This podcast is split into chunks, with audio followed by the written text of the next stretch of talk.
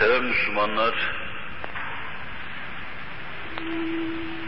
geçen hafta insanın iman dairesine girmesine mani bir kısım sebepleri arz ettikten sonra kalbin o kabil arızalardan tahliye edilmesinin lüzumunu arz ettikten sonra iman delillerine giriş sadedinde Cenab-ı Hakk'ın vücut ve kıdemini ifade eder bir iki delili takdime çalıştım. Allah hesabına olduktan sonra insan sokakta dolaşsa, dağlarda gezse, çiçekleri koklasa, ağzına meyveleri alsa, tadına baksa, tadıp da sonra Halikine şükretse, bütün bunların hepsi ibadet sırasına geçer. Bu güzelim kainatı gözümüzün önüne bir bahçe gibi seren, nimetleriyle bir sofra gibi önümüze koyan, rengarenk, elvan elvan keyfiyetiyle nazarlarımızı okşayan Hazreti Allah, bunlardan ders alalım diye bütün bu işleri yapmıştır. Ders alan insan sınıf geçer, Allah nazarında kıymet kazanır. Allah kainatı tefekkür edelim diye bir kitap mahiyetinde bize takdim etmiştir. Önümüze sofra sofra serdiği nimetleri tadalım, iştahımız açılsın, ahiretteki nimetlere karşı arzu uyansın diye önümüze koymuştur. Öyleyse burada bu nimetlerin, yani numunelerin tadına bakmak dahi ibadettir. Düşünülmeyen, müteala edilmeyen bir kitabı Allah yazmayacağına göre dikkat buyurun. O kitabı okumayan insanlar, o kitabı müteala etmeyen insanlar, Allah'ın o kitabı yaratılışındaki hikmetini akıl erdiremediklerinden geridirler, gericidirler. Eğer kafiri Allah Müslümanlar aleyhinde bu kabil sözler söylettiriyorsa, işte bu noktadan ötürüdür. Kafirin şeytanı bunu hissetmiş, haklı olarak mümine hücum ediyor. İmanı cihetiyle haklı değil de, mümin kendisine terettüp eden vazifeyi yapmamaktadır.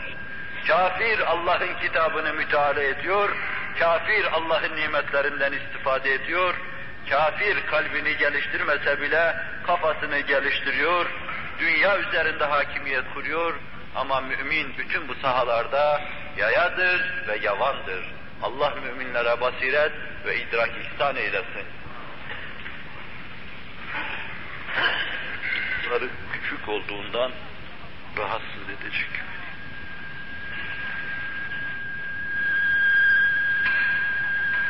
Bizim söylenen her söz çok kıymetlidir.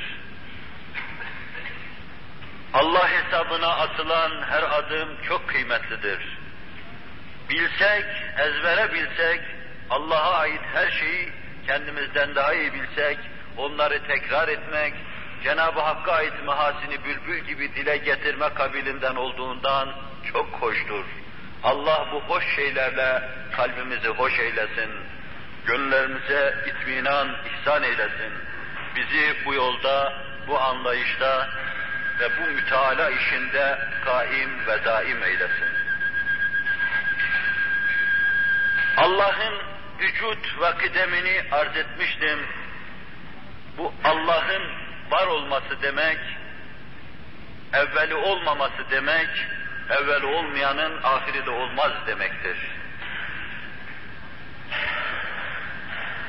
Kafirlerin maddeye, enerjiye, ezeliyet ithafına atfetmesine mukabil biz ezeliyeti ve ebediyeti Allah'a veriyoruz. Esasen ezeliyet ve ebediyet Allah'ın şiarıdır, Allah'ın vasfıdır, Allah'ın sıfatıdır. Kıdem, beka Allah'ın sıfatıdır. Biz versek de vermesek de Allah kadimdir. Biz versek de vermesek de Allah bakidir. Bununla beraber gönüllerimizde gönüllerimize konan gubarı silmek için bu delilleri arz ediyorum. Burada şunu da arz edeyim. Sizin şimdi burada dinlediğiniz, daha sonra dinleyeceğiniz, başkalarından da dinleyeceğiniz, kainattan alacağınız, kendinizden alacağınız bütün manalar, bütün hakikatlar, bütün deliller sadece kalbinizde kendisini size hissettiren Allah inancına, Allah marifetine konan tozları süpürmek içindir bunlar. Bütün bu arz edilen deliller, gökleri ve yeri elinde tutan, kudret ve kuvveti mesafe bakımından ışık hızlarıyla ölçülmeyen, ancak namütenahi sözüyle kendisini anlatmaya çalıştığımız, vacibül vücut diye tarife çalıştığımız Allah'ı anlatma mevzuunda hiçbir şey değildir bunlar. Yalnız bunlar bizim bakımımızdan mühimdir. Sınırlı olan bizlerin, sınırlı kalplerine, sınırlı olarak konan tereddüt ve şüpheleri izale etmek için işte bu delilleri arz ediyoruz. Yani deliller Allah'ı göstermez. Deliller Allah'ı ispat etmez. Allah ispat edilmeden çok yüksektir. Zira o şiddeti zuhurundan gizlidir. Kainatta onun daim ezeli ışığı vardır. Kesik kesik olmadığından ötürü görmemekteyiz. Bir yeri geldiği zaman bu hususu inşallah arz etmeyi düşünüyorum. Her yer bütün onun tecelli cemaliyle cilvelendiğinden biz onu göremiyoruz. İşte kalbimizde Allah'ın derc ettiği bu marifet ve muhabbet istidadı üzerine konan bu barı silmek için bu delilleri arz ediyoruz. Yoksa ezeliyet ve ebediyeti Allah'a vermeden kainatta ilmi hiçbir hakikat anlatılamaz. İlmi hiçbir kaide sağlam, esaslı bir şey üzerine oturtulamaz. Onun için ezeliyet ve ebediyet Allah'ın lazımı gayri mufarikıdır, kadim sıfatlarıdır. Yalnız biz burada maddenin ezeli olmadığını arz ettik. Bu maddeci asırda maddecilik bir hastalık gibi, taun gibi mütemeddin, mütedeyyin kimselerin kalbini dahi işgal ettiği bir zamanda lüzum hissettiğimiz için bunu anlattık. Anlatanların sözlerini daha doğrusu naklettik. Allah anlatanları rızayı uzmasına mazhar eylesin. Bizi de o işin laklakiyatını yapmış fakat o yolda olmuş kimseler arasında mükafat-ı uhreviye ile mükafatlandırsın. Bunları anlatmakla daim ve kaim eylesin. Madde ezeli olamaz dedik. Bunu bir termodinamiğin ikinci kanunuyla arza çalıştık. Madde ezel olsaydı şimdiye kadar kainat milyar defa milyarlarca sene evvel çoktan sönmüş gitmişti. Her şey aynı seviyede enerjiyle, hararetle dolmuş olacaktı. Bu ilmi tecrübelerle elde edilen bir kanundur. Bu hususta az mütalası olan bunu bilir. Ben de bir hafta evvelki derste bunu avam lisanıyla arz etmeye çalışmıştım. Atomların çekirdekleri etrafındaki elektronların hareketi de maddeye ezeliyet verildiği zaman izah edilmesine imkan yoktur. Bunu da yine avam diliyle arz etmeye çalıştım. Onlar da gösteriyor ki madde sonradan yaratılmıştır. Bir üçüncü delil olarak da bizim güneşimiz gibi kainatta yüzlerce, binlerce güneşler var.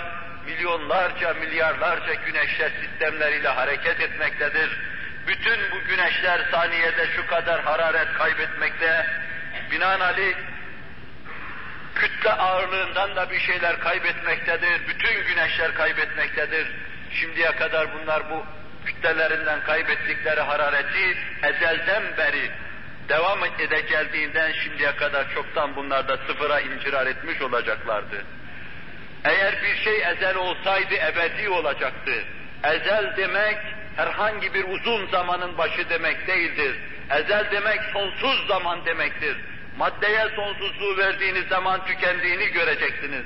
Öyleyse maddenin de ötesinde, enerjinin de ötesinde, atomun da ötesinde, termodinamik kanunun bize gösterdiği hakaikin de ötesinde her şeyin kendisine dayandığı bizatihi bir kuvvet vardır. La havle ve la kuvvete illa billah ile kendisini bize tanıttıran Allah ezeli olduğu için ebedidir. Martebete kidemuhu, imtena ademuhu, hakikati bunu anlatmaktadır. Allah kadimse o yok, ol, yok olmayacaktır. Maddenin yok olması gösteriyor ki madde kadim değildir. Allah'ın daima her şeyi kayyumiyetiyle elinde tutması gösteriyor ki kadim Allah'tır. Madde Allah tarafından yaratılmıştır. Allah'la da kaim değildir. Madde Allah tarafından yaratılmıştır. Allah'ın kayyumiyetiyle devam etmektedir. Madde Allah'ın dış görünüşü değildir. Panteistin düşündüğü gibi, Neoplatonistin düşündüğü gibi bu da ayrı bir şirktir. Bizde tasavvufçu böyle düşün, düşünse dahi şirktir. Madde sonradan yaratılmıştır. Allah vardı hiçbir şey yoktu. Allah maddeyi de yoktan var etti. Nasıl var etti? Allah olduğu için var eder bunu akıl almaz. İlk hilkat mucizevidir, cebridir, beşerin anlayacağı keyfiyette değildir. Kafirler bu kabil şirke düşmese bile çok müminler bu kabil şirk içindedirler. Allah haşa ve kella eşyanın batını maddeye de zahiri Allah'ın zahiri demek suretiyle kafirlerden başka bir şirk içine düşmektedirler. Allah maddi manevi kafire ait, mümine ait şirklerden bizleri masum ve mahfuz buyursun. Bu derste arz ettiğim Cenab-ı Hakk'a ait iki sıfatı da kafanın bir tarafına yerleştirelim. Vücut ve kıdem. Kıdem oldu mu bekası da var. Öyleyse vücut, kıdem, bekayı hep beraber görmüş oluyoruz. Allah'ın üç sıfatını mevcudiyetiyle beraber, mevcudu meçhul olmasıyla beraber müteala etmiş oluyoruz. Bugünkü derste Cenab-ı Hakk'ın irade sıfatı üzerinde tabi vücuduyla beraber ve irade sıfatı için tali derecede gördüğümüz, müteala edebildiğimiz ilim sıfatını da görmüş olacağız. Böylece hem Cenab-ı Hakk'ın sıfatlarını hem bu sıfatların altında tecelli eden esmasını hem de varlığını müteala edeceğiz. En lezzetli şey Halik-i Kainat adına müteala edilen şeydir. Amerika'nın yeri ve keyfiyeti menabi serveti değil. Falan yerde bir baraj, barajın keyfiyeti, çalışması, enerji istihsali değil. Bütün barajların, bütün enerjilerin menbaı onun hazinesinde olan Cenab-ı Hak hakkında mütealada bulunuyoruz. Onun hakkındaki mütealanın en sönüğü yanında en parlak şeyler çok sönük kalırlar. Çünkü o göklerin ve yerin nurudur. Her iki derste arz ettiğim gibi Allahu nuru semavati vel ard. Meselu nurihi kemişkatin fiha misbah ayeti bu hakikati bize ifade etmektedir. Allah'ın irade sıfatını nasıl anlatacağız? İrade sıfatının ışığı altında vücudu ilahiye nasıl bakacağız? Ve irade sıfatında onu müteala ederken tali derecede ilmi nasıl göreceğiz? Ve bu dersten nasıl bir hisse alacağız? Onu arz edeyim.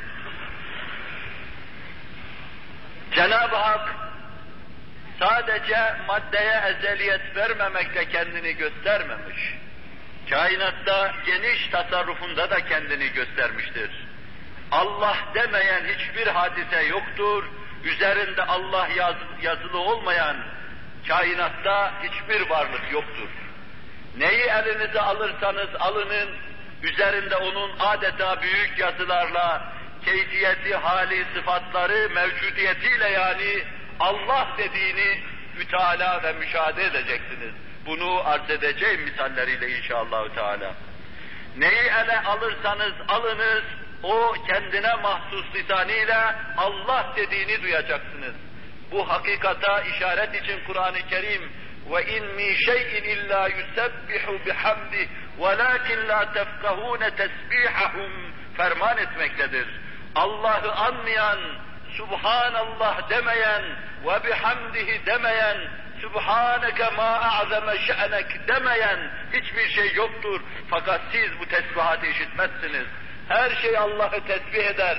Tesbih eder ne demek? Allah'tan başka kainatta yaratıcı olmadığını söyler her şey. Allah'a eş ortak koşamazsınız. Allah münezzeh ve mukaddestir her şey. Fakat siz bunu anlayamazsınız. Anlaşılmayan şeyi Allah size teklif eder mi? Anlaşılır bu iş esasen işin içine girersen, ilim yoluyla işe nüfuz edersen, ilmi benimsersen anlaşılır bu iş. Ama sen ilimden, anlayıştan, idraktan, akli yaşamadan kaçarsan, kaçınırsan anlayamazsın. İşte bu anlayamazsın sözü düşünmeden kaçanlara, taakkul etmeden kaçanlara, bilerek yaşamadan kaçanlara, hayatın mana ve mahiyetini kavrama hususunda uzak uzak dolaşanlara aittir. Allah uzak uzak dolaşmadan bizleri masum ve mahfuz buyursun. Şunu tekrar arz edeyim muhterem Müslümanlar. Size desem ki Allah Resulü sallallahu aleyhi ve sellem bir hadisi şerifinde şöyle ferman ediyor. Cuma günü on defa selat-ı selam okursanız melekler size bin tane selat-ı selam okur. Bu size bir sevap kapısı açma, Resul-i Ekrem'e nazarlarınızı müteveccih kılma, Allah'ın rızası yolunda sizi kamçılama demektir. Fakat aynı şeyi değişik bir şekilde size söylesem, aynı kanaatta o meseleye eğilmeniz icap eder. Allah'ın bir ayetini kainatta düşünseniz, o ayetten bir hüsne bir mana alsanız arı gibi, kalbinize yerleştirseniz, Allah o tefekkürle size bin hasene yazacaktır desem, aynı şekilde kabul etmelisiniz. Çünkü Kur'an-ı Kerim'in hemen hemen dörtte biri insanları kainat üzerinde tefekküre sevk etmektedir. Dörtte biri insanları düşünceye tahakkul etmeye, hadiselerin manasını anlaya, anlamaya sevk etmektedir. Şayet altı bin küsür ayeti kerime varsa Kur'an-ı Kerim'de, bütün bu ayetlerin hemen hemen iki bini, üç bini kainattaki hakaiki anlatmakta ve insanı tefekküre sevk etmektedir. Kur'an-ı Kerim okuldu, okunduğu zaman görülecektir bu. O zaman Allah Celle Celaluhu manası anlaşılmayan sözleri veya bizim yapmayacağımız şeyleri bize teklif etmez, tahmin etmez, bunları bizden istemez. İstiyor ki Allah Celle Celaluhu düşünelim, tefekkür edelim, bu vadide de sevap kazanalım. Burada şu noktaya dikkatinizi istirham ediyorum. Şimdiye kadar duyduğumuz şeyler bize sevap kazandıran şeyler olarak şu andan sonra, şu anda, bundan sonra daha başka başkaları tarafından duyacağımız sevap kazandırıcı şeylerden tamamen başkadır. Selat-ı selam okuyacaksın, manasını düşünerek okuyacaksın. Allah diyeceksin fakat Allah zatıyla nasıl Allah Celle Celaluhu, sıfatlarıyla nasıl Allah Celle Celaluhu, keyfiyeti bizim için meçhul fakat asarıyla onu görmeye çalışacak, o zaman da böyle sevap kazanacaksın. Gezerken sevap kazanacaksın dedim. Otururken sevap kazanacaksın. Yatarken sevap kazanacaksın. Ağzını kapasan hiçbir şey demesen yine sevap kazanacaksın.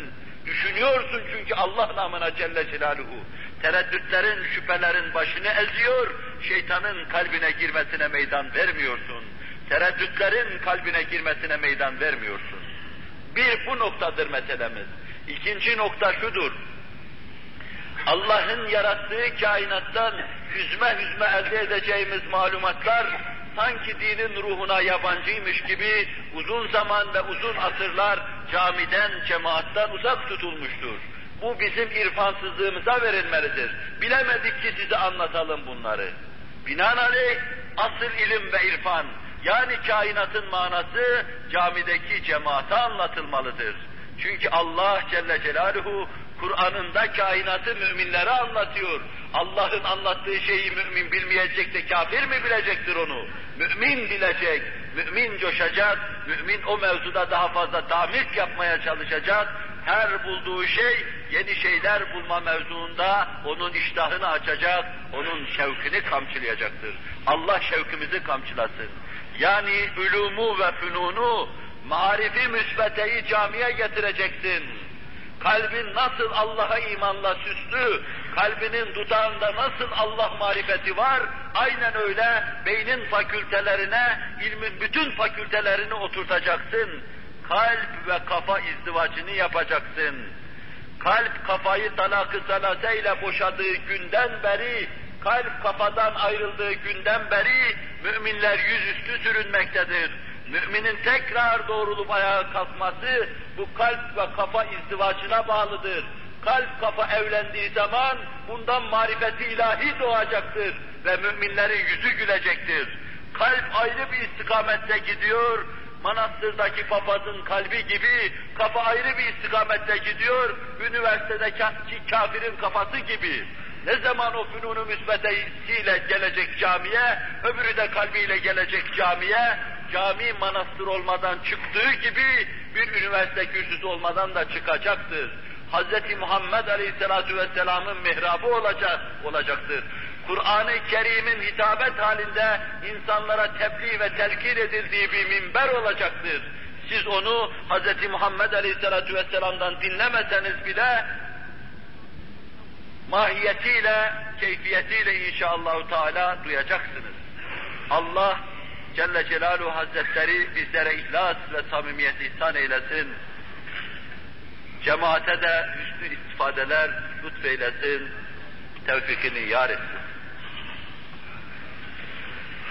Evet, kainat çıkardığı tarrakalarıyla ve kainattaki her hadise kendine mahsus lisanıyla, her varlık üzerinde Allah'a ait sikke ve turrasıyla, zerrelerden sistemlere kadar Allah'ı tesbih ve takdis etmektedir. Siz bu tesbih ve takdisin manasını anlamadan uzak kaldıkça, yani kafanızı ve tefekkür hayatınızı geliştirmedikçe, kafanızı kullanmadıkça bunları anlamayacaksınız. Bunları anlamaya çalışın, çünkü bunların altında maksadı ilahi yatmaktadır. Kainatın yaratılışındaki gaye yatmaktadır. Bunları anladığımız zaman iradeyi ilahi göreceğiz.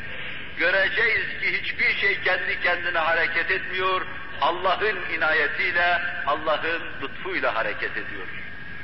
İrade dediğimiz şey de budur, irade delili dediğimiz şey budur. Kainata baktığımız zaman onun mevcudiyetini müşahede ediyoruz. Biz varız, şu cami de var, dışarıdaki ağaçlar, ağaçların üzerinde bulunduğu zemin ve zeminin kendine tabi bulunduğu güneş ve güneşin kendisine tabi bulunduğu daha büyük sistemler, her şeyi var görüyoruz. Kimisini gözümüzle görüyoruz, kimisini teleskoplarla seyrediyoruz, bazı varlıklar var ki onlara da mikroskopla bakıyoruz. Daha göremediğimiz şeyleri ileride elektron şualarıyla veyahut da X ışınlarıyla görmeye çalışacağız. Belki de görülüyor ve biz bugün bunları tahayyül ediyoruz. İnşallah ileride daha dakik, daha ince ve daha uzak sanat ilahi müşahedeye Allah imkan bahşedecek, seyredecek ve kendimizden geçeceğiz. Allah'ın azameti, büyük tasarrufu karşısında.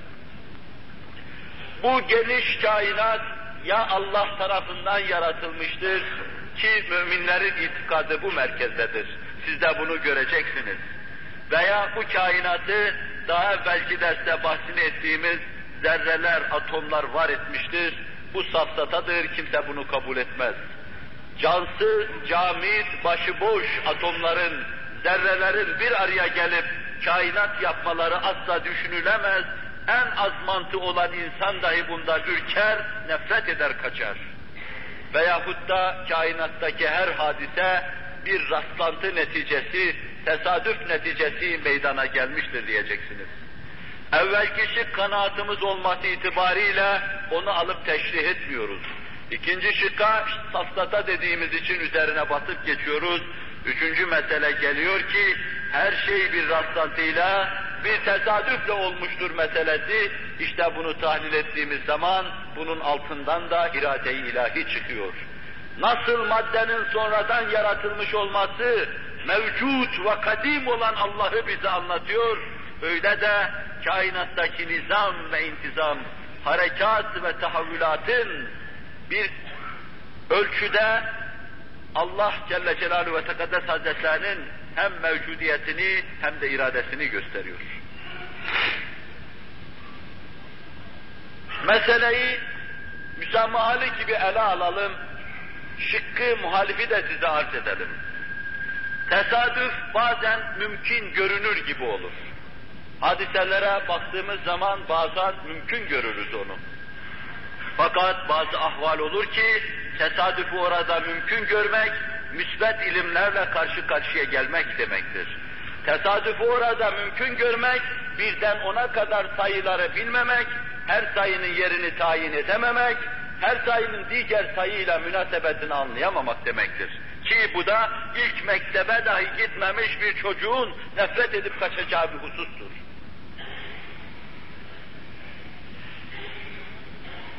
Size tesadüfün mümkün olduğu ve muhal olduğu bazı misalleri sıralayayım. Şurada olur, şurada da olmaz. İçinde bulunduğumuz cami bir kısım taşlardan, mermerlerden, sıvadan, eski yapılarda taşları tespit için kullanılan Horasan'dan yapılmıştır. Bu caminin içine giren herkes bu camiye baktığı zaman ya bunu bir kısım tabii hadiselerin sevkiyle bir rastlantı neticesi meydana geldiğini söyleyecektir veyahut da diyecektir ki bu bir mimar tarafından yapılmıştır. Bu caminin bir tarafında dikkatinizi rica ediyorum. Üst, üst üste konmuş üç tane rahlenin mevcudiyetini görsek. Bu rahlelerden bir tanesi altta üzerinde bir numara yazılı, ikincisinde iki numara yazılı, üçüncüsünde üç numara yazılı. Camiye girdiğimiz zaman orada eli kolu bağlı, gözleri görmeyen, aciz bir çocuğun mevcudiyetini müşahede etsek. Ve sonra biz iki adam aramızda münakaşaya tutuşsak. Acaba bu rahleleri sırasına göre bir numaralı altta, iki numaralı üstte, üç numaralı en üstte kim sıraladı desek, münakaşaya girişsek. Arkadaşlardan bir tanesi dese ki bunu şurada eli kolu bağlı şu çocuk koymuştur. Öbürü de dese ki hayır bunu gözleri gören birisi koymuştur. Neden? Çünkü bir numaralı rahlenin altta bulunması lazım. Onun alta konması, iki rakamlının ortada, üç rakamlının üstte bulunması ancak gözü gören, elleri açık olan birinin yapabileceği bir şeydir. Fakat siz burada az dahi olsa olabilir diye rastlantıya bir ihtimal verebilirsiniz. Tesadüfe bir ihtimal verebilirsiniz. Rahleleri üst üste çoğaldıkça tesadüf de o nispette azalmaya başlar. Tesadüfler matematikte rakamların yükselmesiyle ters orantılıdır diyorlar. Makusen mütenasip diyorlardı eskiler buna. Rakamlar ne kadar yükselirse tesadüf, rastlantı nispeti o kadar azalmaya başlar. Rastlantılarda böyledir. Altı tane rah, rahle olduğu zaman altı rakamlı, tesadüf biraz daha payını kaybetmeye başlar. On tane oldu mu biraz daha kaybeder. Yüz tane olursa tamamen kaybeder. Bu rahlelerdedir. O zaman münakaşaya tutuşan bu iki insandan hayır bunu elleri açık, gözleri gören bir insan kazanmıştır, davayı kazanmaya başlar. Evet bunun sözü doğru. Gözleri görmeyen bu insan gelişi güzel rahleleri atmakla bu rahle, rahleler bu vaziyette arzı endam edemezlerdir. Camiye intikal ettiğimiz zaman da aynı şeyi göreceğiz.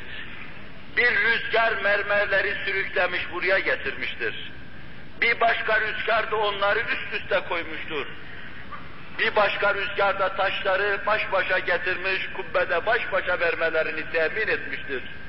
Bir başka rüzgar da bir yerden kireci kaydırmış, başka bir yerden de suyu kaydırmış, başka bir yerden de bir kısım yumurta aklarını kaydırmış, derken Horasan'ı yapmış, taşların birbirine tespit edilmesini temin etmiş.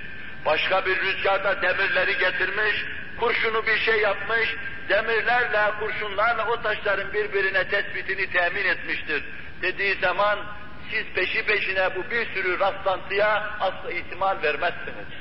Hatta sizin gibi düşünen kimselerin böyle bir şeye ihtimal vermesi değil, bir çocuk da ihtimal vermez.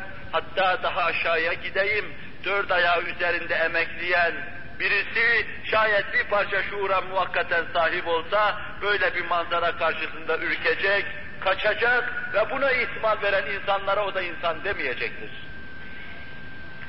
Caminin taşlardan ibaret olan caminin kendi kendine yapılmasını kabul etmeyeceksiniz. Demek ki bazen tesadüfün bir yeri vardır. Sokakta gittiğiniz zaman da bir arabanın arkadan gelip size çarpmasına tesadüf diyebilirsiniz. Şunu da hemen arz edeyim antiparantez. Ben bunların hiçbirisine tesadüf demiyorum. Şuraya konan tek rahlenin, tek rahlenin dahi mevcudiyetine tesadüf demiyorum. Çünkü o dahi bir iradeli birisi tarafından konmuştur. Şu sarığın buraya kendi kendine böyle muntazam konmasını ihtimal verilemez. Ben elimle aldım bunu buraya koydum. Hatta bugünkü cereyan eden bir meseleyi size arz edeyim. Kendi cübbemi kendim elime aldım, sarığımla beraber götürdüm. Ve akşamda kararlaştırdım onları, naylon torbanın içine koydum, getireyim diye yanı başıma koydum. İş tesadüfe havale edildiği için yolu yarı ettiğimiz zaman anladım ki ben onları orada unutmuşum. İşte bugün sarıksız vaaz etmemin manası, mahiyeti de bundan ibarettir. Sadece tek hadise, şuurlu bir insan üzerinde tesadüfe bırakılsa, böyle açıklar, böyle gedikler meydana gelir. Ya bu hadiseler birbirine bağlı birkaç tane olursa, tesadüfe ihtimal vermek cinnet ve cinayet işi olur. Evet, yolda yürüyoruz. Bir araba geliyor, arkadan bize çarpıyor. Buna bir ihtimal tesadüf diyebilirsiniz. Bir ihtimal tesadüf diyebilirsiniz.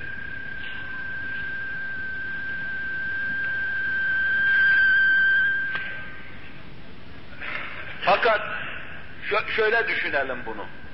Araba size gelip çarpmadan evvel başka bir çocuğun hemen onun önüne geçmiş olması, başka bir arabanın da durmaya çalışması derken bu esnada iki arabanın birbiriyle vuruşması, buna da bir ihtimale göre tesadüf diyebilirsiniz. Bir başka mesele diyeyim. Yine araba gidiyor, arabayı caddede yürütün. Yukarıdan gelen bir meteor aynı anda arabanın önüne düşüyor, Gelen arabaların ikisi de birdenbire hemen duru veriyor. Durduğundan frenleme mirenleme neyse bir tarafa devriliyor. O zaman biraz tesadüf uzak göreceksiniz. En mütemerrit iddia diyecektir ki arabanın oraya geldiği esnada tam meteorun gelip önüne düşmesi, iki arabayı birbirinden ayırması, anormal bir frenlemeye onları zorlaması, alt üst olması pek tesadüfe verilemez. Bir başka şey daha diyeyim. Bu arabaya binecek yolcular, yolculardan bir tanesi de o gün Arabaya binmek için koşmuş gelmiş fakat arabaya yetişememiş. Onun için arabadakilerin hepsi öldü fakat o geride kaldı. O zaman tesadüf hakkını biraz daha kaybedecektir. Biraz daha düşüneceksiniz. O arabayı kullanan adam, şoför o gün birisine küfretmiş, birisine hakaret etmiş, Allah'ı da inkar etmiş, öfkeyle arabaya binmiş bu hadise olduğu zaman siz kendi kendinize doğru böyle olması Allah'ın iradesiyle ve kuvvetiyle diyecek, tesadüfün payını biraz daha azaltacaksınız. Bunun gibi biz daima bir kısım hadiselerle karşı karşıya bulunuyoruz. Bunların bazısında tesadüfe yer verdiğimiz halde fakat bazısında tesadüfe hiç hak tanımıyoruz. Bu hususu daha ariz, tamik için bir kısım müşahhas misaller arz edeceğim. Fakat bu misaller biraz kitap müteala etmemişler için belki yorucu olacaktır. Fakat beni mazur görsünler. Bir matbaa düşünelim muhterem Müslümanlar. Bu matbaada yarım milyon harf bulunuyor. Matbaa harfleri demirdendir ve bunlar belli kalıplar ve kutular içine yerleştirilmiştir.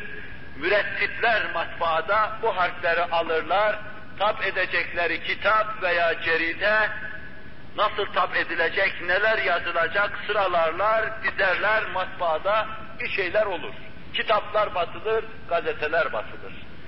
Yarım milyon harfi, demir harfi bulunan bir matbaa düşünelim. Bu matbaanın mevcudiyetini ben de biliyorum. Bana gelip bir hadiseyi haber verecek, sonradan gelip haber verecek bir arkadaşım da biliyor. Arkadaşım gelip bana diyor ki, arkadaş biliyor musun? Bir rüzgar esti, o matbaadaki kalıplar döküldü, harfler meydana çıktı, gelişi güzel on tane kelime oldu. İhtimal vermezsiniz ama fakat muhtemeldir olabilir. Yarım milyon harften on tane kelimenin meydana gelmesine ihtimal verebilirsiniz. Fakat bu kelimeler gelişi güzeldir. Bir tanesi ben, bir tanesi taş, bir tanesi kaya, bir tanesi ağaç, bir tanesi çam kozala. Münasebetsiz kelimeler. İhtimal verebilirsiniz. Fakat arkadan biri gelse dese ki arkadaş, Bu yarım milyon harf devrildi, döküldü, rüzgar devirdi bunları. Fakat bu yarım milyon harften on tane cümle meydana geldi. Acaba dersiniz. Cümle demek mana ifade eden şeylerdir. Ben İzmir'den kalktım, Manisa'ya geldim. Gelirken sarığımı, cübbemi unuttum. Böyle basit on tane cümle dahi olsa, hayır dersiniz imkan yok. Rüzgarın devirmesi, harfler devrilmiş, o harflerin böyle gelişi güzel sıralanması, bu on tane cümleyi asla bir araya getiremez dersiniz. Fakat yine de olabilir belki dersiniz. Yine de olabilir. Muhali vazıh değil bu. Fakat üçüncü adam gelse size dese ki, bu yarım milyon harf devrildi, hiçbir harf heder olmadan hepsi kelimelerle manzum bir kaside meydana getirdi. Öyle bir kaside ki Kabe'nin duvarına asılan Lebid'in, Ümmül Kays'in kasideleri onun yanında çok sönük kalır. Bu yarım milyon harften hiçbir izahı olmadı. Rüzgar terpi verince nasıl olduysa bir araya geldiler ve bu kasideyi meydana getirdiler dediği zaman siz diyeceksiniz evvelkilerine insafım ifadesi ihtimal versem dahi fakat bunu kabul etmem esasen bütün safsadiyatı kabul etmem demek olacağından reddedeceksiniz onu. Çok açıktır mesele, çok vazıktır. Bu ne anlatıyor bize? Bu şunu anlatıyor muhterem Müslümanlar. Bir, burada ihtimal hesaplarına göre bir ölçü vardır. Birbirini takip eden, dikkat buyurun. Birbirine bağlı çeşitli keyfiyetlerle bir araya gelen on rakamın sırasıyla dikkat edin birbirini takip etmesinde ihtimal hesaplarına göre 10 milyarda bir ihtimaldir senin istediğin şeklin meydana gelmesi. Yani 10 rakamından bir bina yapsan, birinci rakam altta olsa, onuncu rakam en üstte olsa, bunların sırasıyla dizilmesi tesadüfe göre 10 milyarda bir ihtimaldir. 10 milyar defa böyle olacak, belki bir kere öyle olur. Bu rakamların sayısı 12'ye çıktığı zamanda mesele biraz daha büyüyecek, o zaman bin milyarda bir ihtimal olur bu. 12 rakamdan bir bina yaptığın zaman ihtimal hesaplarına göre 12 rakamdan bina yapıyorsun. Binanın birinci temelinde bulunan taşın adı bir, ikincisi iki, üçüncüsü üç. Sırasıyla bunları gelişi güzel atacaksın. Bunların sırasıyla yerlerini alması bin milyarda bir ihtimaldir. Bu taşların sayısını 22'ye çıkardığınız zaman bin milyar defa bin milyarda bir ihtimaldir. Binaenaleyh bu kadar korkunç rakamlarla ifade edemediğimiz, edemeyeceğimiz ihtimallerden bir ihtimal ile sadece 22 taşlı bir bina yapman bu kadar muğlak, bu kadar karışık olursa ya yarım milyon harfin böyle bir kaside meydana getirmesi nasıl karışık olmaz onu senin insafına havale ediyorum. Bütün bunlar hepsi birer misal değil. Bu misaller bize şunu gösteriyor. Kainatta meydana gelen taş, ağaç, toprak vesaire. Bunlar ya Allah tarafından yaratılmıştır. Ya atomlar anlaşmış, kafa kafaya vermiş, meydana getirmiştir. Veya rastlantı olarak böyle olmuştur bunlar. Tesadüfen böyle olmuştur. İşte bu misalleri anlatmakla tesadüfün ne demek olduğunu size anlatmış oluyorum. Tesadüf olur mu olmaz mı bunu arz etmiş oluyorum. Şu kürsünün sadece bu kürsünün buraya konmasına tesadüf derseniz yarım milyon harfin rüzgar tarafından devrilmesiyle bir kaside meydana getirmesini de kabul edin. Kaldı ki bu kürsünün içine bir minder konmuş. Bu da ayrı bir irade ister. Bir de sarık konmuş. Bu da ayrı bir irade ister. Bir de insan oturmuş. Bu da ayrı bir irade ister. Bütün bunların hepsini tesadüfe vermek, müsbet fünunla karşı karşıya gelmek demektir. Cenab-ı Hak müminlere basiret ihsan eylesin, tefekküre sevk eylesin. Bu misal, bu misal bize neyi anlatıyor? Meseleyi tamik ediyorum. İnsanın en küçük parçası hücresidir. Hücre Arapçada oda demektir. Bu kelime salon demektir. Bu kelime aynen Arapçadan bize geçmiş, biz artık insanın odaları mesabesinde olan insanın parçacıklarına hücre diyoruz. İnsanın en küçük parçası atomun parçaları ise şayet elektron, proton, nötron ise Moleküller ise sonra, sonra protein dizileri ise bütün bunların meydana getirdiği canlı küçük parçasına da hücre diyoruz. Bir oda gibidir. Allah bu insan abidesini bu hücrelerden yapmıştır. Adeta müdevver bu hücreler şöyle yan yana gelir, senin vücudun bu parçacıklardan yapılmıştır. Bunları anlaştırmış, uzlaştırmış, bir vücut yapmış, büyük bir hücre gibi Allah Celle Celaluhu sanatına seni ayna yapmıştır. Bu hücrelerin yan yana gelmesinden mikroskopla bakıldığı zaman, elektron mikroskopla bakıldığı zaman koca koca pencere gibi hücreler görünür, kitaplara resimlerini alırlar ve bu hücrelerin aralarında boşluklar müşahede edilir. Bu boşluklardan biz terimizi dışarıya atarız, mesamat diyoruz, delikler diyoruz. Bu boşluklardan maya halinde vücudumuzu alkol vesaire gibi sürdüğümüz şeyler vücut tarafından emilir, kana karışır, boşluklar koymuştur Allah Celle Celaluhu. Hücrenin temel yapısında bazı şeyler kullanmıştır. Allah'ın kullandığı bu şeyler, Allah'ın bina ettiği bütün binalarda kullandığı aynı malzemedir. Azot kullanmış, karbon kullanmış, kükürt kullanmış, hidrojen kullanmış, oksijen kullanmış, fosfor kullanmış, kalsiyum kullanmış Allah Celle Celaluhu. Bunların bazısını havada teneffüs ediyoruz biz. Hava çeşidinden olan şeylerini. Bazılarını yiyoruz gıdalarla, tırnaklar halinde veya kemiği takviye halinde kendisini gösteriyor, kireçlerdir bunlar. Bazılarını tuz halinde alıyoruz. Vücudumuzdaki en küçük parça bundan olduğu için, vücudumuzun yapısı da budur bizim. Şu cami nasıl taşlardan yapılmıştır, ayrı ayrı taşlardan. Fakat hepsi taştır bunların. Allah'ın bizim vücudumuzda kullandığı her şey de atom dediğimiz şeylerden, atomların meydana getirdiği bu moleküllerden ibarettir. Dikkat buyurun buraya. Bu beş altı tane şeyi veya altı yedi tane şeyi Allah Celle Celaluhu bizim küçük odalarımızı, arz ettim ya odayı, o küçük odalarımızı kurmada kullanmıştır. Bu odaların kullanılmasında kullanılan bu altı yedi tane şey bir kısım protein dizileri meydana getirir. Yani vücudun temel yapısı protein diyoruz. Sütün içinde bulunan şey, balıkta, ette vesairede bulunan şey, yumurtada bulunan şeydir ki insanın vücudunun temel gıdasıdır. Protein diyoruz. Allah Celle Celaluhu tesbih taneleri gibi birbirine dizilmiş protein dizilerinden bu hücreleri meydana getirmiş. Hücreye ayrı zaman canlıyı anlatırken yeniden girip avamlaştırıp anlatmaya çalışacağım inşallah Teala. Fakat bugün şunu arz ediyorum. Bu protein dizileri insanın hücresinin temel yapısıdır. Her dizide pek çok sayıda protein şeyleri vardır. Cüzleri diyeyim, parçaları vardır.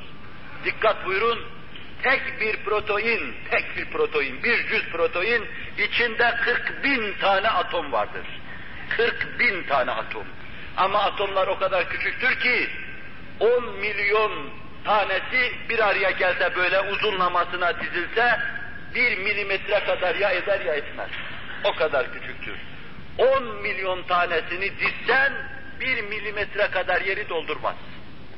İşte bu küçük atomlardan tek protein parçasında 40 bin tane vardır. Ne demektir bu? Bu 40 bin tane atom bir araya gelecek, anlaşacaklar, öyle bir vaziyet alacaklar ki orada senin vücudunun küçük bir parçası, protein parçası meydana gelecek.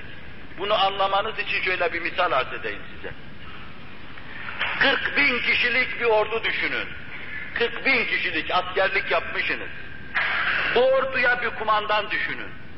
Bu kumandan orduya bir emir veriyor. Diyor ki, benim emrimi duyan, emrimin kendisine ulaştığı anda benim hoşuma gidecek elbiteyi giyecek, beni memnun edecek silahı omuzuna alacak, düşman için çok tehlikeli olacak kamayı beline bağlayacak ve ayakkabılarını ayağına takacak, askerle diğer askerle de aralarında bir ayrılık olmadan mangasında, taburunda yerini alacak dese.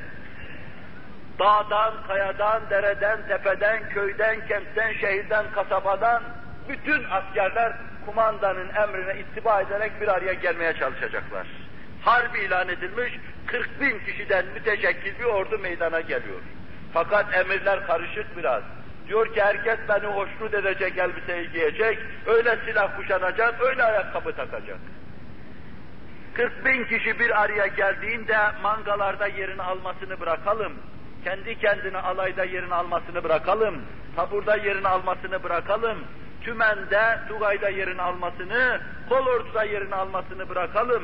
Bir araya geldiklerinde göreceksiniz, kimisinin başında bir yeşil bağlı, kimisinde bir kırmızı allı valalı bir şey var, kimisi beline bir kuşak bağlamış, kimisi acayip ayakkabı giymiş, kimisi evdeki ekmek bıçağını beline sokmuş, kimisi bir kama bağlamış, kimisi mavizerle gelmiş, kimisi bilmem güdümlü neyle gelmiş, karma karışık kozmopolit bir ordu teşekkül edecektir. Neden böyle oluyor? Çünkü kimsenin kimseden haberi yok. Halbuki dikkat buyurun, bunların şuurları var. Kumandanın belki hoşuna giden şeyi de anlamış olabilirler. Tayin etmeleri de mümkündür. Bununla beraber teker teker baştan anlaşılamadığı, konuşulamadığı, bir fabrikadan çıkmadığı için bu ayrılık gayrılık olacaktır haliyle. Böyle gayri muntazam bir ordunun ordu teşkil etmesi, kol ordu teşkil etmesi, tümen teşkil etmesi, bunun içinde kendilerine göre kimisinin piyade, kimisinin topçu, kimisinin tankçı olması, kimisinin efendim güdümlü mermi atması, füze atması vesairesi, kimisinin muhabereci, kimisinin efendim haber merkezci, kimisinin ki telemprimörcü olması, bütün bu karma karışık şeyler meseleyi o kadar karıştırır ki içinden çıkılmaz bir hal alır. Şuurlu insanların bir araya gelip 40 bin kişiden müteşekkil bir ordu teşkil etmesi böyle muamma olursa 40 bin tane şuursuz atom bir araya gelecek, anlaşacaklar. Bir çorba olalım, bu çorbanın adı proteindir.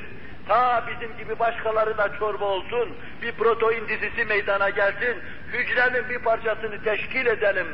Düşünmeleri o kadar safsata ve akıldan uzaktır ki, o ordunun mükemmel toplanmasına ihtimal vermeyen bir insan, 40 bin tane atomun bir araya gelerek böyle bir proteini teşkil etmesine ihtimal vermemelidir.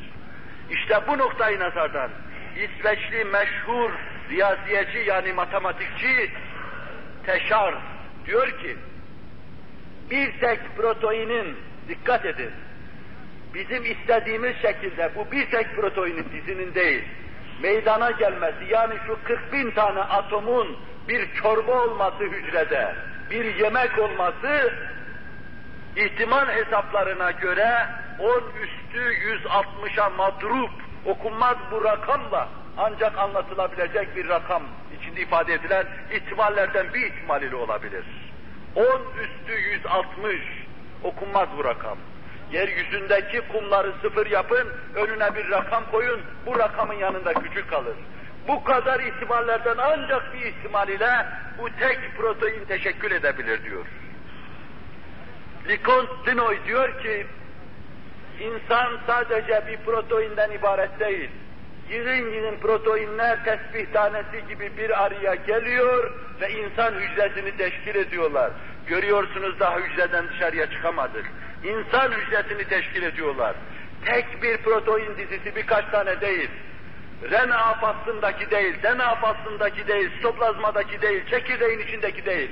Sadece hücrenin içinde bir tek protein dizisi. Bunun meydana gelmesi için o da ihtimal hesaplarına göre şu rakamı söylüyor. 10 üstü 243 ihtimalden ancak bir ihtimal ile olabilir. Bu rakam evvelkine nispeten hiç okunmaz. Hiç okuyamazsınız. 10 üstü 243 diyor. Okunmaz bu rakamla. Bu ihtimallerden bir tek ihtimal ile ancak olabilir diyor. Tesadüf, rastlantı dediğimiz zaman meseleyi böyle kavramamız gerekiyor. Şimdi bakın, dikkat edin, insan bir protein dizisi de değildir. Ya hücrenin diğer elemanlarını ele alırsak, iyice mesele karışacaktır. Hücreleri baş başa verdirirsek, mesele tamamen Allah bullak olacaktır. Hayat meselesinin Allah'ın hayy kayyum olmasına delaleti cihetini arz ederken bunu yeniden arz etmeyi düşünüyorum. Hem orada daha başkalarına söyleyecek sözler de var. Cenab-ı Hak imkan bahşetsin. Hakikati konuşmaya muvaffak kılsın. İnşallah Teala tevfikini yar etsin. Demek ki muhterem Müslümanlar, her bir zerre, eski zerre diyordu. Zerre Arapçada atom demektir. Vacibül vücuda iki veçile delalet ediyor. Bir, bir atom şuursuz olduğu halde kendisine yüklenen bu ağır vazifeleri rahatlıkla yapması gösteriyor ki bu zerre kendi kendine yapmıyor. Bu işleri yapan Allah vardır Celle Celaluhu. Tek başına bir atomun başka atomla anlaşması, onun başkasıyla anlaşması, 40 binin bir araya gelmesi, ittifak etmeleri, hücre için lüzumlu olan bir protein parçasını meydana getirmeleri, zerrenin gücüne, kuvvetine, ilmine, iktidarına verilecek şey değildir. Kaldı ki biz o zerrede, atomda ne güç, ne kuvvet, ne ilim, ne irade, ne sam, ne de basar. Hiçbirini düşünmüyoruz, hiçbirine yer vermiyoruz.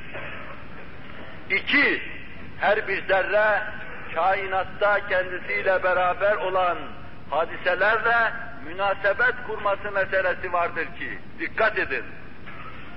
Havadaki bir zerre, bütün kainattaki hadiselerle münasebettardır adeta. Şayet televizyon resimlerini aksettirecekse o zerre başka zerrelerle anlaşacak, o televizyon resimlerini sizin televizyon ekranına aksettirecektir. Şayet elektromanyetik dalgalar halinde telsiz seslerini başka bir tarafa aktaracaksa o zerre orada da aynı vazifeyi alacaktır. Aynı zerre göreceksiniz, bir çiçeğin içine girme vazifesiyle tavsif edilmiş göreceksiniz onu. O vazifeyi de yapacaktır. Siz sesinizi elektromanyetik dalgalar haline getirmeden doğrudan doğruya havadaki titreşimlerle karşı tarafa intikal ettirdiğiniz zaman bu defa o zerre sizin sesinizi intikal ettiren bir rükün olarak vazife alacaktır. Bir zerre bin işi birden yapacaktır. Yani başını hareket ettirdiği zaman iş yapan, kolunu hareket ettirdiği zaman ayrı bir iş yapan, ayağını hareket ettirdiği zaman ayrı bir iş yapan insan gibi yüz işi birden yapacaktır. Halbuki dikkat buyurun, zerreye bu işleri vermek demek, Allah'ın sıfatlarını vermek demektir. La yushgiluhu şey'un an şey'in ve la yemna'uhu şey'un an şey'in. Bir şey bir şeye mani olmaz. Bir şey onu başka bir şeyden alıkoymaz. Bir şeyi görmesi başka bir şey görmesine mani olmaz. Bir şey duyması başka bir şey duymasına mani olmaz. Bir şey bilmesi başka bir şey bilmesine mani olmaz. Bunlar Allah'ın sıfatıdır. Allah'a bu sıfatları uygun görmeyen kafir öyle bir safsata içinde ki bunları cansız atomun elektronuna, protonuna, nötronuna veriyor da Allah'a vermiyor. Kafirdeki akılsızlığa bakın, üniversitede dahi olsa, üniversitede hoca dahi olsa ne kadar bir akılsızlığın kurban olduğunu hep beraber müşahede edelim. Evet, zerre iki veçile Allah'a delalet ediyor. Ve in min şeyin illa yusebbihu bihamdi velakin la tefkahune tesbihahum. Her şey Allah'ı tesbih ediyor, takdis ediyor. Allah var gayri başka bir şey yok diyor ama fakat siz işte bu arz ettiğim meseleleri bilmediğinizden zerrenin nasıl Allah'ı tesbih ettiğini bilemiyorsunuz. Cenab-ı Hak bilmeye muvaffak kılsın bizden inşallah. Tevfikini yar etsin.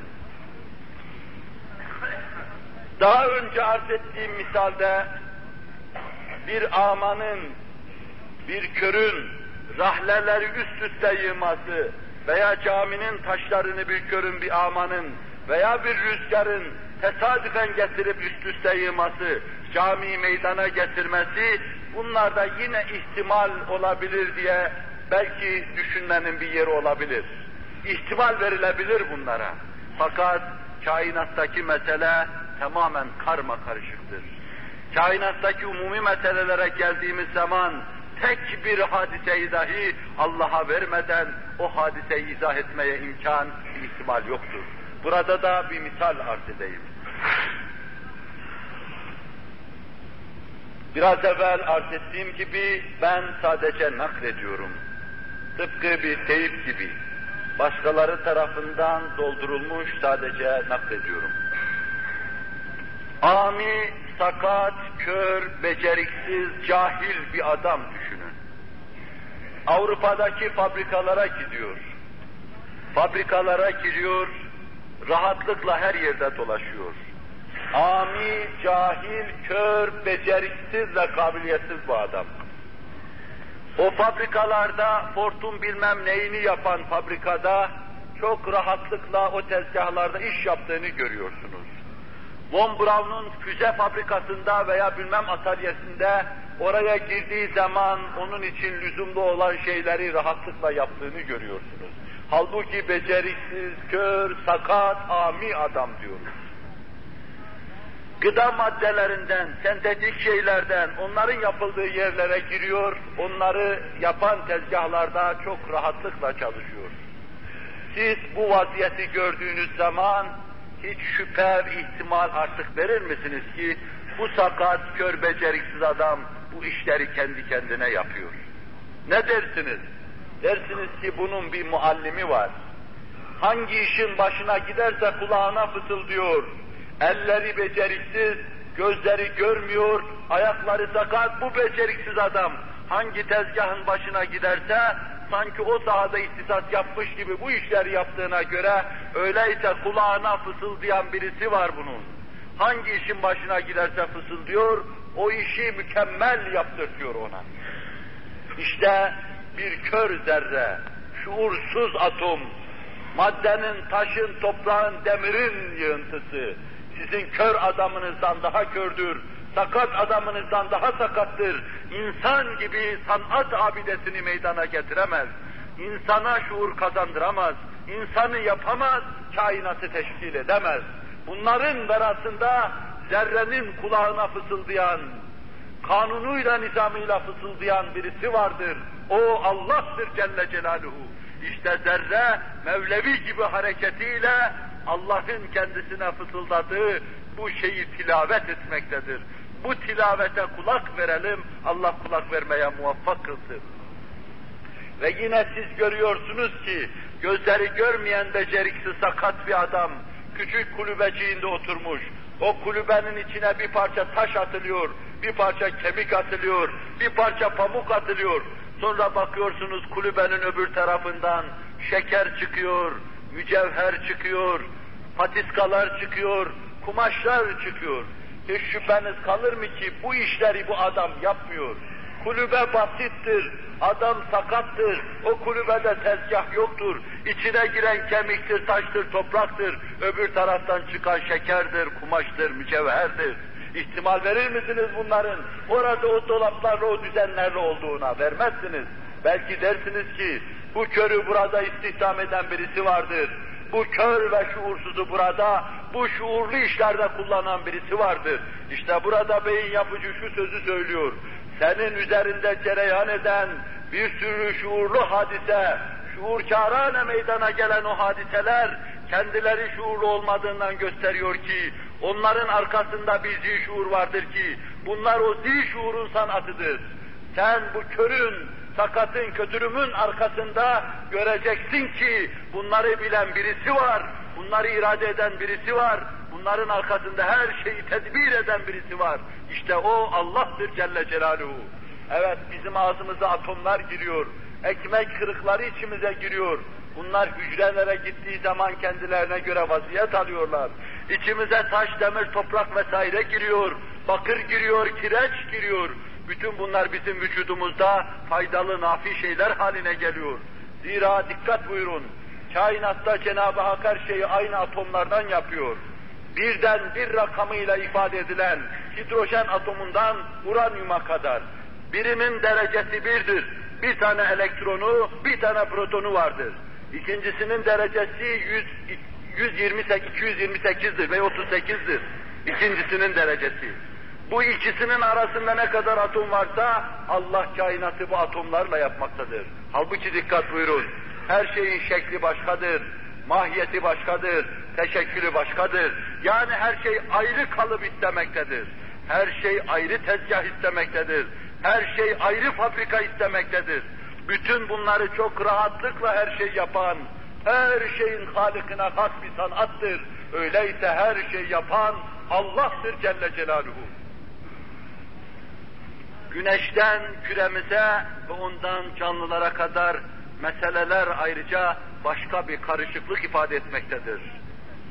وَالسَّمَاءَ رَفَعَهَا وَوَضَعَ الْمِيزَانَ أَلَّا تَطْغَوْا فِي الْمِيزَانِ وَأَقِيمُوا الْوَزْنَ بِالْقِسْطِ وَلَا تُخْسِرُوا الْمِيزَانَ وَالْأَرْضَ وَضَعَهَا لِلْأَنَامِ فِيهَا فَاكِهَةٌ وَالنَّخْلُ ذَاتُ الْأَكْمَامِ وَالْحَبُّ ذُو الْعَصْفِ وَالرَّيْحَانِ febeyi alâi rabbikuma tükezziban. Cinliler gibi diyelim. Ya Rabbi senin nimetlerinden, ihsan ettiklerinden, vücudundan vücudumuza kadar, vücudumuzdan o vücut hakkında senin cuduna kadar hiçbir şey inkar ve tekzip etmiyoruz, tasdik ediyoruz. Nasıl ederiz ki sen bir nizam kurduğunu anlatıyorsun, zerreyi küreyi nizamla yürüttüğünü anlatıyorsun, her şeyde bir terazinin bulunduğunu, ince kıstasların bulunduğunu, bu ince ölçülerle meseleler elenmezse, ele alınmazsa olmayacağını anlatıyorsun. Biz bütün ruhu canımızda bunları tasdik ediyor, senin mevcudiyetine şahit sayıyoruz. Evet Allah Celle Celaluhu her şeyi mizanla yapmıştır. İnsanın mevcudiyetini teşkil eden biraz evvel arz ettiğim bu amino asitlerden müteşekkil proteinler, amino asit dizilerinden meydana gelmiştir. Bunların parçalarından, cüzlerinden bir tanesi yanlış yerini alsa belki insan zehirlenecek, ölecektir. Dikkat buyurun, kimyada belli kıstaslarla birbirine karıştırma işlerinde bazen faydalı, bazen zararlı şeyler hasıl olur. Siz normal olarak vücuduna, vücudunuza aldığınız sodyum klor, işte tuz bundan mürekkeptir. Bunları başka şekilde karıştırsanız, başka şekilde bir terkip yapsanız, sizin vücudunuz için faydalı olan bu şey zehir olabilir. Komünistler çoklarına mektup yazıp gönderiyorlar ve bunların içine işte bu, bu nevi kimyevi terkiplerle bir şeyler sürüyorlar, bir şeyler koyuyorlar. Faydamız için yaratılan bu şeyler çok defa bizi öldürüyor. Demek o kadar ince hesap ve kıstaslarla bu işler yapılmış. Öyle teraziye vurulmuş ki mikron hesaplarıyla, çok ince hesaplarla milyarda bir bir fazlalık olsa, bir eksiklik olsa ya insanın hücresi ölecek, zehirlenecek veya bir kanser hücresi teşekkül edecektir. Evet, protein dizilerinden bir tanesi tesbih tanelerinin dışa çıkması gibi şayet başını dışarıya çıkarsa yanlış bir hücre teşekkülüne sebebiyet verecektir. Kanser olacaktır orada. O kadar ince hesaplarla iş işlemektedir ki orada Allah'ın eli o işi işliyor kabul edilmezse o işin öyle olduğuna imkan ve ihtimal verme asla düşünülemez. Evet zehirlenebiliriz de biz her şeyden zehirlenebiliriz. İşte kainat bu kabil muammalarla doludur. Allah Celle Celaluhu her şeyi bunlardan yapıyor fakat bir düzen, bir nizam, bir intizam altında yapıyor. Ve kainattaki nizam delalet ediyor ki müthiş bir irade var. Bu irade Allah'ın iradesidir. Bir varlık var ki bu onun iradesidir. Bunu nefsimize, bunu nüfus-u emmare taşıyan herkese söyleyecek, Allah'ın tevfik ve inayetine dayanacak, tereddüt ve şüphelere kalbimizde meydan vermeyeceğiz. Şimdi sırasıyla şu hususları sıralayayım muhterem Müslümanlar. Bir küreyi arz üzerinde bulunuyoruz. Bu ya gelişi güzeldir veya Allah'ın iradesiyledir. Dikkat buyurun. Gelişi güzele, rastlantıya imkan vermeyeceksiniz. Küreyi arzın kabuğu birkaç ayak fazla değil. Beş on ayak yüksek olsaydı oksijen ve sair faydalı gazları yutacaktı, o zaman hayat olmayacaktı. Bunu şu münasip şekilde demek ki birisi durdurmuş. Gelişi güzel olsaydı bu ihtimal olmayacaktı. Sizin teneffüs ettiğiniz havanın içindeki oksijen o kalın kabuk tarafından yutulacaktı. Yutulmadığına göre en uygun şekilde yapılmış. وَدَعَهَا mizan diyor Allah. Göğe ve yere bir mizan koymuş. Sizi işte bu mizan altında kurduğu kainatta gezdiriyor, dolaştırıyor. Güneşinizi bazen 149,5 milyon, 150 milyon kilometre öte, ötede küreyi arzın elipsi şeklinde dönmesinden ötürü bazen de 135 milyon kilometre, küsür kilometre ötede dolaştırıyor. Şayet bu mesafe biraz azalsa veyahut da biraz uzaklaşa, uzaklaşsa yine yeryüzünde hayat olmayacaktır. Güneşi fazla değil, 20 bin mil bu tarafa getirseniz yeryüzündeki şeyler yanmaya başlayacaktır. O kadar uzaklaşsanız, uzaklaştırsanız donmaya başlayacaktır. Onu orada tutan, bunu burada tutan rastlantı olamaz. Peşi peşine bu hadiseler rastlantıya verilemez. Bunu böyle yapan Allah'tır Celle Celaluhu. Teneffüs ettiğiniz hava var. Bu havanın terkibi itibariyle yüzde yirmi birini oksijen teşkil etmektedir. Uçağa binmiş iseniz bilirsiniz. Yüksek uçakta yüksek irtifa olduğu zaman da size oksijen maskelerini kullanmayı gösterirler. Şayet bir kaçıklık olursa bir taraftan havasızlıktan boğulabilirsiniz. Size oksijen maskelerini ağzınıza alacak ve tüplerden gelecek oksijen ve oksijen ihtiyacını gidermeye çalışacaksınız derler. Halbuki biz bedavadan, maskesiz bu havayı her an teneffüs etmekteyiz. Öyle ki bizim için lüzumlu olan o maddeler geliyor, zararlı olanları da dışarıya çıkarıyoruz. وَالسَّمَاءَ رَفَعَهَا وَوَضَعَ الْمِيزَانِ Burada da Allah'ın mizanını görüyoruz. Bu hadise de bunu anlatıyor. Bu havanın yüzde yirmi bir nispetindedir oksijen. Bütün hava terkibinin içinde yüzde yirmi bir nispetindedir. Dikkat buyurun. Yüzde elli olabilirdi, niye olmamış? Olmamış. Yüzde elli olsaydı yeryüzünde her şey, her tarafa benzin serpilmiş gibi olurdu. Yukarıdan gelen radyasyonlarla her an yangınlar çıkardı. Bir kibrit çaksaydın cayır cayır hava yanı verirdi. Yüzde elli olsaydı böyle olurdu. Yüzde on da olabilirdi, olmamış. Olsaydı o zaman maskeleri size de, maskeleri kullanmayı gösterirken, talim ederken işte bu endişeden ötürü gösteriyorlar. Oksijen azalsaydı siz yine ölecektiniz. Demek bunu sizin hayatınıza lüzumlu miktarda tutan birisi vardır. Çok ince bir hesaptır. Kuyumcunun terazisinden daha hassas ölçülerle ölçülmüş ince bir hesap işlemektedir bunu. İşte bu hesabın sahibi Allah'tır. Büyük irade kendisini göstermektedir. Küre-i arz 23,5 derece meyille hareket etmektedir. Bu da bir rastlantıya verilemez. Şayet amudi dik olsaydı küre-i arz, tebahhur eden şeyler kutuplarda yığılacaktı. Yani bütün bulutlar kutuplarda yığılacaktı. Sadece şimal ve cenuba bol bol yağmurlar yağacaktı. Bir taraf devamlı kış olacaktı, uzun kış, bir taraf uzun yaz olacaktı. Kışta olan soğuktan donacaktı, yazda olan da sıcaktan yanacaktı. Küreye arza 23,5 derece meyli veren rastlantı olamaz. Bu hadiselerden sonra bunu da yapan Allah'tır Celle Celaluhu. Havanın bir kesafeti vardır. Atmosferimizin bir kesafeti vardır. Yıldız kaydı dersiniz meteorlardır. Havada Allah'ın vuruşturduğu, boğuşturduğu yıldızlar parçalanır. Kaya parçaları bizim atmosfere gelir çarpar, havaya çarpar. Arabadan elinizi dışarıya çıkardığınız zaman hava tazikinin sizi zorladığını görürsünüz. İşte bu yukarılara doğru incelir incelir bir noktaya kadar gider orada tükenir. Bu küre arzın etrafındaki atmosferdir. Şayet bu atmosfer şimdiki vaziyetinden biraz daha sığ olsaydı, o yukarıdaki boğuşmalarda, vuruşmalarda meydana gelen meteorlar ayın göbeğine gelip çarptığı gibi küre arza çarpacaktı. Bizi bu dünyadan kaçıracaktı. Her gün herkes kafasına yukarıdan bir taşın geldiğini görecekti. Bunu böyle ayarlayan Allah'tır. Biraz daha kesip olsaydı, güneşin faydalı şuaları gelmeyecekti. İngiltere'ye dönecekti bütün dünya, hayat sönecekti. Kasavet bağlayacaktı ruhlar, insanlar karamsar olacaktı. Bunu bu derecede tutan Allah'tır. وَالسَّمَاءَ رَفَعَهَا وَوَضَعَ الْمِيزَانِ اَلَّا تَدْغَوْ فِي الْمِيزَانِ Böyle her şeyi mizanla yapan Allah'ın mizanlı yapmasına karşı zinharsiz, başı bozuk gibi hareket etmeyin, nizamsız hareket etmeyin. Allah var, her hadisede size kendisini ihsas ettiriyor. Ezan okundu biliyorum ama fakat bunları söylemeden bitirmeyeceğim. İki üç cümle kaldı.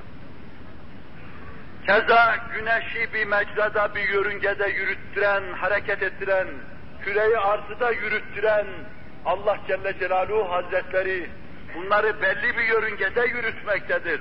Şayet ufak bir inhiraf olsa, ufak bir tevakkuf olsa üzerindeki her şeyi fezaya fırlatacaktır.